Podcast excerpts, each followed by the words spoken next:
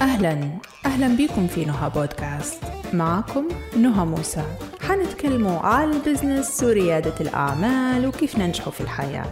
حنحكي لكم على تجاربي وخبراتي وحتى عثراتي حنستضيف ناس خبرة في مجالهم وحنتعلموا منهم كيف نجحوا في حياتهم. وحنتكلموا بالليبي على الفلوس. أهلا بكم في حلقة اليوم. حلقة اليوم بعنوان بياعة الرز. هي قصة حقيقية لبنت ليبية. كانت تعيش في إحدى المدن الداخلية وانتقلت للعيش في العاصمة. البنت كانت ذكية جدا ولماحة وشافت الاختلافات بين المدن وهذه كانت نقطة التحول الأولى في حياتها. كانت في الصف الرابع تقريبا تسع سنوات. كانت منبهرة ومعجبة جدا بالمدرسة الجديدة لأنها كانت كبيرة وحلوة وفيها شجرة توت وكل شيء في المدرسة كان مختلف من وجوه الصغار للمدرسات للمقصف اللي فيه حلوى أشكال ألوان وسندوتش الطن وغيره من الحاجات ولكن المميز الراجل اللي يبيع في الرز كان فيه راجل كبير في العمر يفرش في طاولة فم المدرسة وقت مروح الصغار يبيع في سمنسة وطرابيش رز. وكانت معجبة جدا بالرز لأن أول مرة تذوقه في حياتها كل يوم كان بوها يعطيها في مصروفها هي وخوتها وتمشي تشري بيه عشان تبي من المدرسة. فكانت كل يوم تشري من الراجل اللي يبيع في الرز لحد ما في يوم من الأيام جتها فكرة إنها هي اللي تدير الرز وهي اللي تبيع الرز لأن طربوش واحد مش حيسدها. فانتهزت فرصة خروج أماليها من الحوش وطبقت الفكرة. جابت هديك الطنجرة الكبيرة أكبر طنجرة في الحوش وحطتها على الغاز وصبت الزيت وقلت الرز. وكانت راكبة على كرسي باش تلحق وخوتها دايرين عليها. وكانت فرحانة فرحانة إن هي مطبقة فكرة. وجابت كراسة وقصت الورق منها ولفت الطرابيش لأول مرة في حياتها. وحطتهم في شنطتها وضمت آثار الجريمة ولا حد شاف ولا حد درى. وتاني يوم مشت للمدرسة وفي الاستراحة طلعت طرابيش الرز وباعتهم لصغار المدرسة. كل طربوش بربع دينار رغم إن الراجل كان يبيع فيهم يا بخمسة أو عشرة قروش. وروحت للحوش سعيدة جدا جدا بالإنجاز اللي دراته ولكن هي فرحة وما تمت. تاني يوم وصل الخبر للحوش وماليها عاركوها وعاقبوها. كيف دارت هذا التصرف؟ يمكن خوفا عليها من الزيت. ولكن في حقيقة الأمر سبب غضبهم مش الزيت.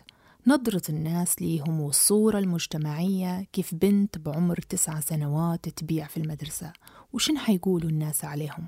مرت الأيام والبنت كبرت وانتقلت للعيش خارج البلاد ونفس الشيء صار معاها مرة تانية شافت الاختلافات بين الدول وبين المجتمعات.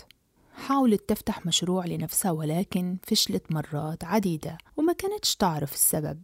لحد ما في يوم قررت تحلل ورجعت بيها الذاكرة لأول مشروع دارته في حياتها وفهمت سبب فشلها وعرفت إن للأهل دور كبير. لأنها شافت في المجتمع الجديد عائلات وضعهم المادي كويس وفي منهم عندهم قصور ومع هذا فرحانين بصغارهم ومفرشين طاولات عليها. لمنيد ولا كوكيز. ويشجعوا فيهم ويعلموا فيهم في مهارة البيع المهارة اللي تنقص العديد من أصحاب المشاريع. ومنها فهمت إنها عبقرية وعندها موهبة ولكن لأنها من مجتمع لا يهتم ولا يقدر المواهب هيك صار معها ولأنها من مجتمع ثقافته عن البيع مختلفة تماما فقررت تطلع هذا الصندوق من الذاكرة وتتخلص منه. وتبدأ حياة جديدة وتنمي الموهبة اللي عندها. الهدف من هذه القصة إن الفشل أحيانا سبب شيء معرقل في الطفولة. مرات صدمة ومرات فكرة انزرعت فينا ومرات خوف. فلازم ندور داخلنا على السبب ونتخلصوا منه لأن كل أفكار ومعتقدات مش حقيقية. والشيء الثاني إن كل إنسان عنده موهبة لو مش مواهب. ولكن اللي مطلوب منا إن نكتشفوا هذه الموهبة ونطوروها. ولو بنحللوا قصة البنت حنتعلموا درس في البيع. أول شيء التركيز والملاحظة واستغلال الفرص. لأنها شافت الرز على إنه فرصة كون عليه طلب من الصغار فعرفت إن في جمهور. ولما باعت باعت خلال الدوام في فترة الاستراحة قبل ما الراجل يجي يعني سبقت الراجل. وكذلك باعت بسعر أعلى لأنها المصدر الوحيد للعملاء اللي هم الصغار ومقابل توفير المنتج اللي هو الرز في وقت قريب اللي هو الاستراحة ومش لازم إنهم يراجوا لنهاية الدوام باش يشروا الرز بعت لهم بسعر أعلى. نستنتجوا إن لما ما يكونش عندك منافس تبيع بالسعر اللي أنت تبيه وكذلك المشروع ينجح. لما يكون عندك جمهور مستهدف وعندهم القدرة الشرائية. ونستنتجوا إن التجارة شطارة. وتبي شخص دقيق الملاحظة والتركيز وسريع ويعرف كيف يستغل الفرص. هذه الخطوات دارتهم البنت بالفطرة وهم نفسهم اللي درسوا فيهم في أكبر الجامعات. ولكن الخوف يخلي الإنسان ينسى قدراته ينسى المواهب اللي حابة نوصله من حلقة اليوم. إن بعض المواهب تكون موجودة من الصغر أو تبان على الشخص من الصغر. فواجب الأهل إن هم ينتبهوا لهذه المواهب وينموها ويطوروها. ولو كنتوا من أصحاب المشاريع اللي قدمتوا بعض الأشياء وصارت لكم عرقلات أو عثرات راجعوا طفولتكم. راجعوا الأسباب اللي خلتكم تتعرقلوا.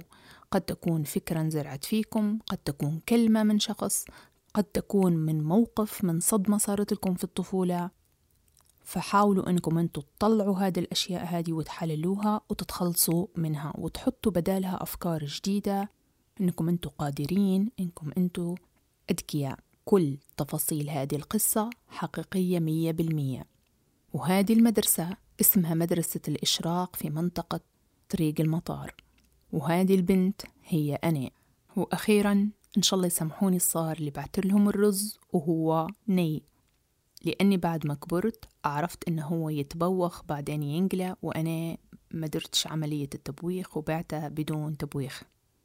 الإنسان دائما يبحث في داخله حيلقى كل الأسباب أو كل الأشياء اللي سبب في فشله أو في عرقلته.